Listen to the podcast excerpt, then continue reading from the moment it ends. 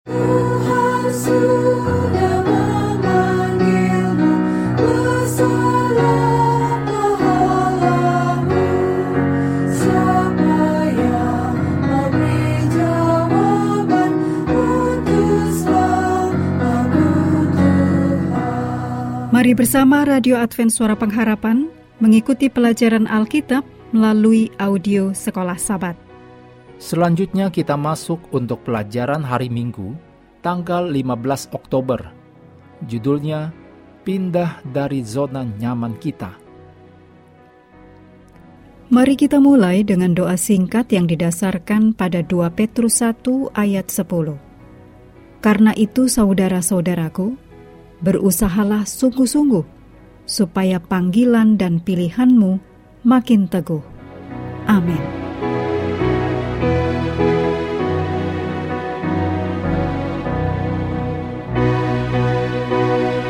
Agar dapat menjangkau orang lain, Allah bermaksud supaya kita berpindah dari zona nyaman kita.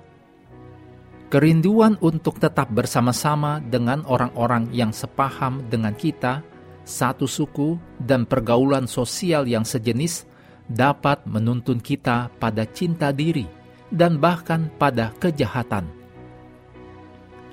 Bahaya ini adalah salah satu pelajaran yang ditarik dari cerita Menara Babel.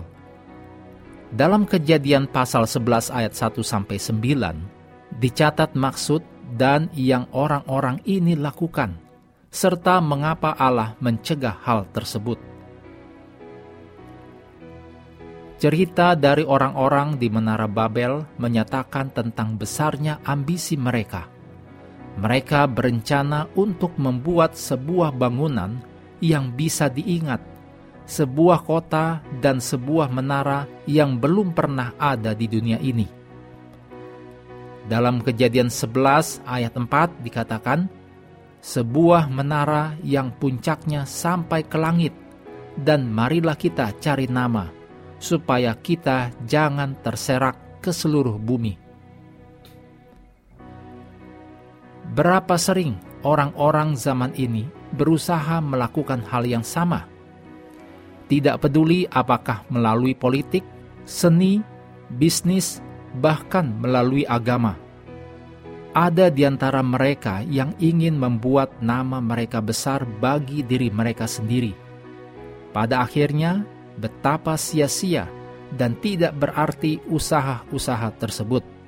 Demikian yang ditulis dalam Pengkhotbah 2 ayat 1 sampai 11.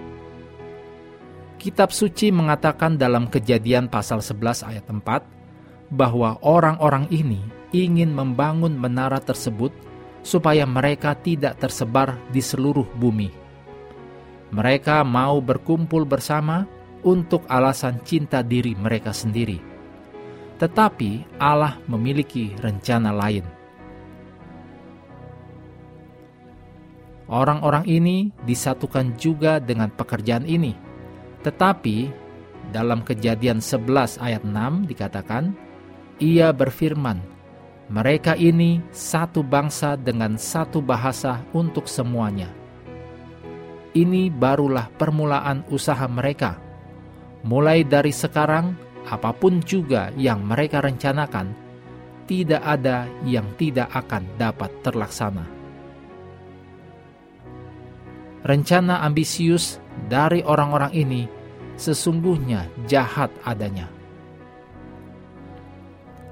Walaupun kitab suci tidak mengatakan hal ini secara eksplisit, Ellen White mengatakan bahwa mereka tidak percaya kepada janji Allah, bahwa Dia tidak akan pernah lagi memusnahkan bumi ini dengan air bah.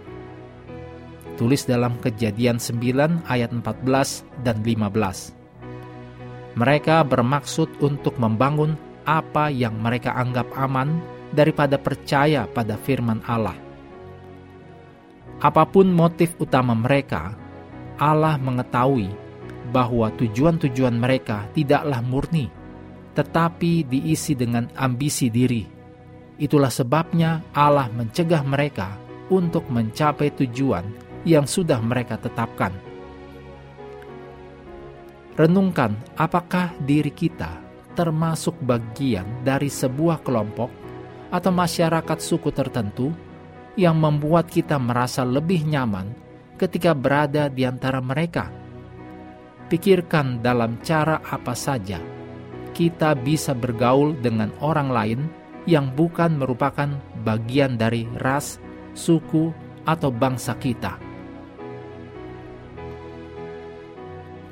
Mengakhiri pelajaran hari ini, mari kembali ke ayat hafalan Kisah para Rasul 1 ayat 8. Tetapi kamu akan menerima kuasa kalau Roh Kudus turun ke atas kamu, dan kamu akan menjadi saksiku di Yerusalem dan di seluruh Yudea dan Samaria dan sampai ke ujung bumi.